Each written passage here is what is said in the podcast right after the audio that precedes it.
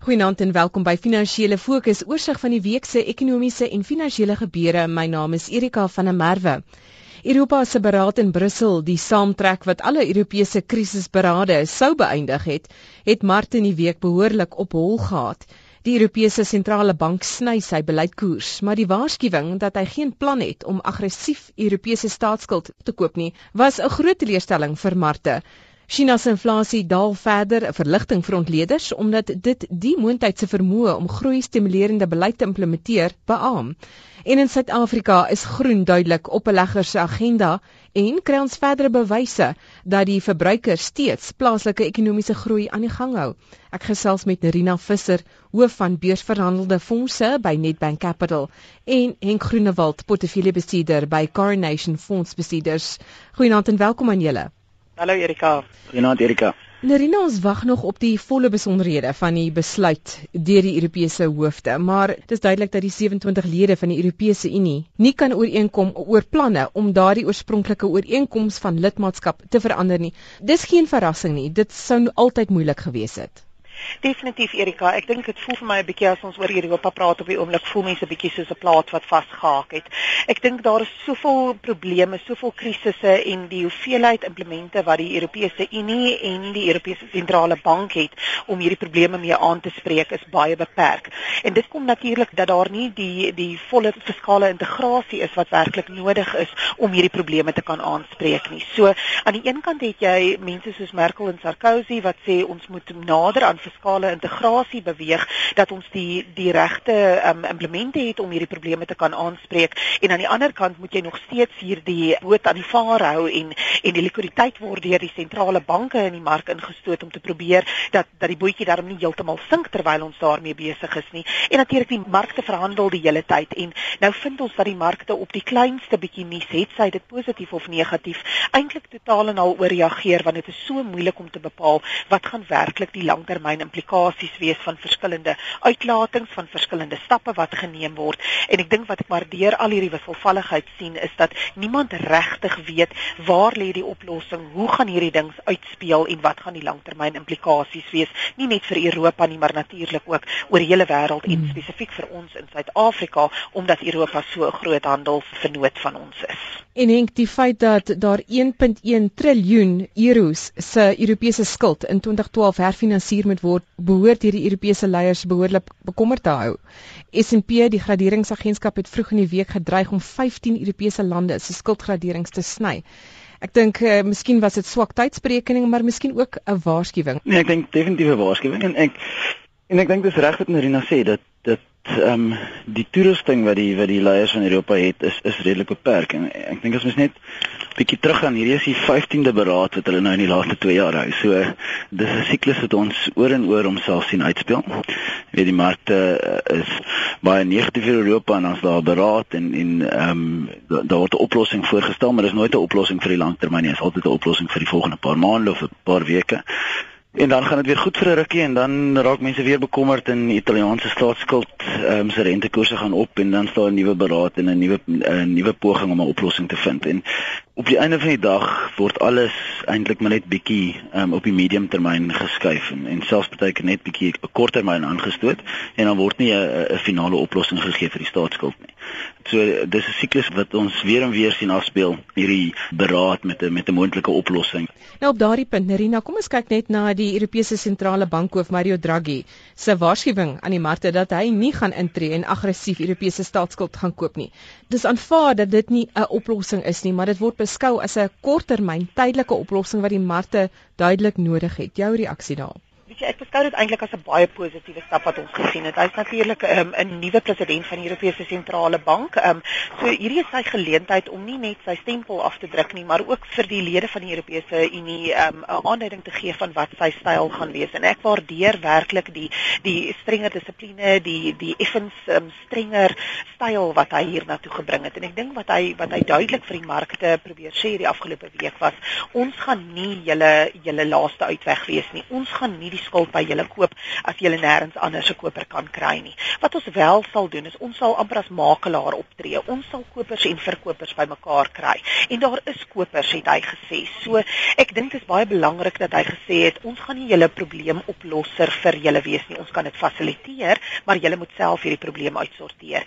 En wat hulle die afgelope week gedoen het toe hulle die rentekoerse verlaag het en daarmee saam toe ook die uitleningsbeleid vir die banke uh, effens verlig het. Hulle wil baie graag hê die banke moet nie net hierdie geld wat nou goedkoper vir hulle aangebied word, um, meer gebruik nie, maar spesifiek dat dit dan verder uitgeleen sal word vir die eintlike uitgebruiker wat nodig het om dit te hê. En ek dink dit is 'n baie belangrike ding. Ons het soveel gesien in die afgelope paar jare sedert hierdie krisis eintlik in 2007 begin het, dat daar geweldige hoë vlakke van likwiditeit in die stelsel ingestoot word, maar dat daar amper al 'n cholesterol in die bankstelsel sit waar hierdie geld tot stilstand kom en dit kom nie werklik in die in die ekonomie uit waar dit nodig is nie. En ek dink wat hy die afgelope week gedoen het was om aan te dui ons is ons is nou daar op die punt om stappe te neem om seker te maak dat hierdie cholesterol verminder word sodat ons die geld by die eindverbruiker kan uitkry. En vir my is dit eintlik 'n baie positiewe medium tot langtermyn stap. En kom ons vat hierdie storie dan en kyk na die implikasies vir wêreldekonomiese groei. Soos julle nou reeds aangedui het, dit het duidelike implikasies die risiko dat wêreldekonomiese groei kan ineenstort. Goeie nuus, dat Chinese inflasie November maand gekrimp het na 4.2% wat onderstreep dat daardie moontlikheid wel uitbreidende beleid verder kan implementeer. Ons kyk na ons mynbouproduksie, baie swak prestasie aan die produksiekant. Wat beteken dit vir ons eie maatskappye wat staat maak op Europese groei en groei elders in die wêreld om winste te kan lewer? Uh ja, Erika, ek gaan net vinnig stil staan by by China en ek dink dit is miskien kan mens ook 'n bietjie deurtrek na ons toe, maar ek dink die wat mense in China sien en eintlik in die in die hele ontwikkelende wêreld sien is in 'n totale teenstelling met die met die ontwikkelde wêreld. So Europa en Amerika het het albei skuldprobleme. Ehm um, en dit is die die tradisionele kraghuise van die wêreldekonomie wat baie groot deel van die verbruik aanvuur in die, in die wêreldekonomie.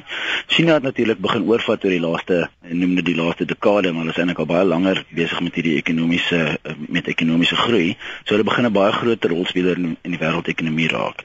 En in totale teenstelling met die met die ontwikkelde wêreld het hulle baie meer uh, toerusting tot hulle beskikking om seker te maak dat hulle ekonomie aanhou groei. As jy net kyk weet China se ekonomie is nog steeds besig om te groei teen bo 8% 'n jaar in reële terme, so dit is nog steeds baie vinnige groei.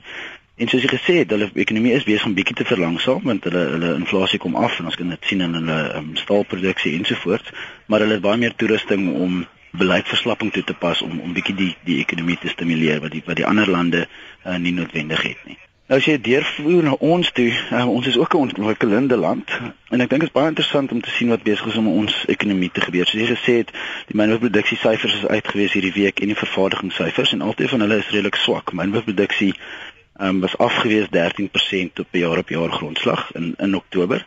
En die grootste daar is is platinum wat af is met 27% op jaar op jaar grondslag. Nou dis 'n ongelooflike ongelooflike val en en baie duidelik het dat ons mynboumaatskappye eintlik sukkel om die erts uit die grond uit te kry. Nou as ons net vinnig met die platinum maatskappye praat oor wat die groot val veroorsaak het, blyk dit duidelik dat veiligheidsmaatreëls wat die ehm um, regering instel 'n baie groot impak het. So ons het byvoorbeeld met Impala gepraat uh, hierdie week en hulle het gesê in Oktober uh, is hulle meer gestop deur die regering oor veiligheid as wat hulle in die vorige 6 maande was en dit het natuurlik 'n baie groot impak op hulle produksie. En, en dit is 'n baie spesifieke probleem vir die mynbouindustrie en ek dink op die einde van die dag gaan ons 'n tot 'n vergelyking moet kom waar die regering en die maatskappye saamwerk om produksie minder te stop maar wel ook veiliger te myn en en ek dink ons ons moet 'n manier kry om dit te doen. Die vervaardigingssyfers het net slegs 1% jaar op jaar gegroei in in Oktober en dis eintlik af van die vorige maand af. Ehm um, en die groot val daar was 14% val in in in voertuigvervaardiging.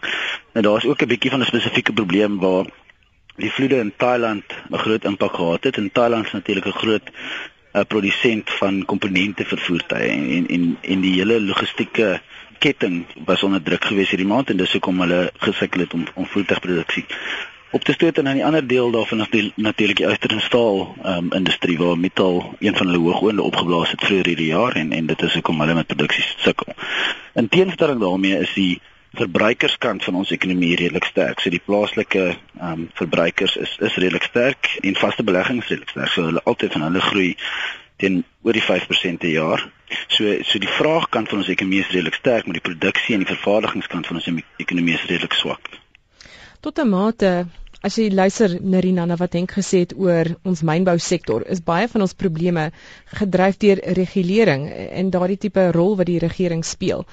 As jy kyk na van die aankondigings wat ons in die week gesien het en die gesprekke, debatte oor die doen van verantwoordelike besigheid, die koolstof bekendmakingsprojek, die resultate daarvan, dit is duidelik dat Suid-Afrikaanse maatskappye hierdie vereistes baie ernstig opneem. Wat sou dit vir beleggers beteken?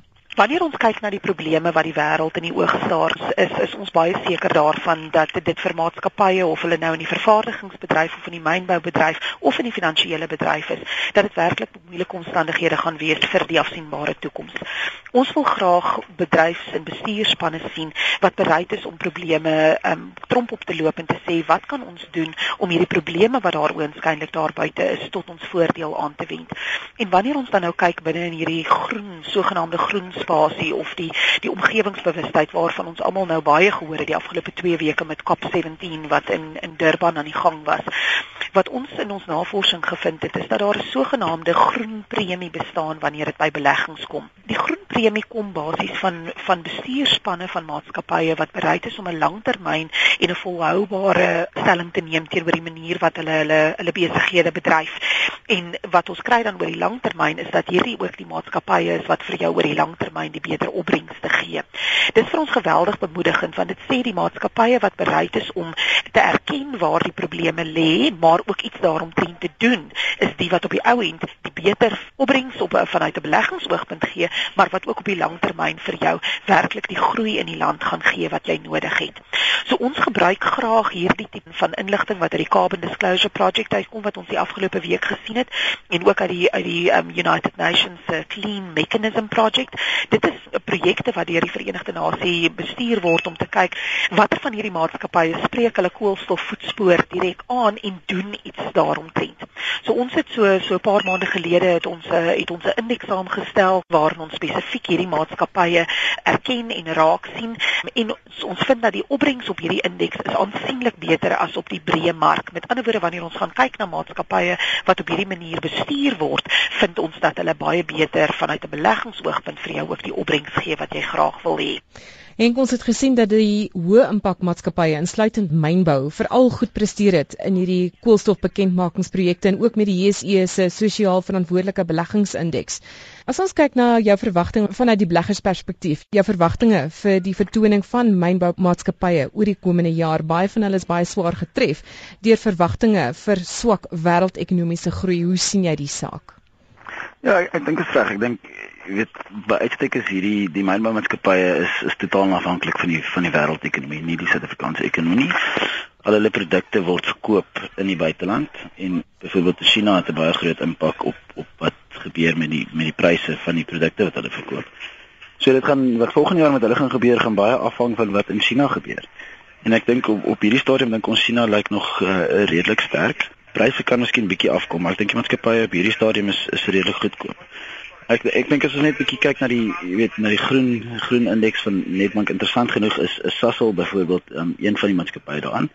En alhoewel Sasol baie weet koolstof vrystel in in die atmosfeer is is nie hulle reg hulle is hulle identifiseer die probleem en hulle probeer wel iets daaraan doen in die toekoms. So uh, dit is baie belangrik vir ons vir vir maatskappye bestuur om strategies te dink hieroor om om die moontlike toekomstige probleme te sien en en vandag iets daaraan te begin doen. As jy net kyk, ek bedoel Australië het pas 'n koolstofbelasting um, ingestel en Suid-Afrika gaan dieselfde doen in die volgende paar jaar. So ek dink 2013, 2014 gaan ons baie moontlike koolstofbelasting in die Suid-Afrikaanse ekonomie sien. En dit gaan natuurlik 'n impak op ons maatskappye hê, maar die maatskappye wat die beste gaan doen, is die maatskappye wat vandag iets daaraan probeer doen. Henk en Nerina baie dankie vir julle bydrae. Henk Groenewald is portefeuljebestuurder by Coronation Fondsbestuurders. Nerina Visser is hoof van beursverhandelde fondse by Nedbank Capital. My naam is Erika van der Merwe. Dankie dat jy saamgekuier het. Ons is volgende Sondag aand 20 voor 9 weer hierso. 'n Gesiende week vorentoe. Totsiens.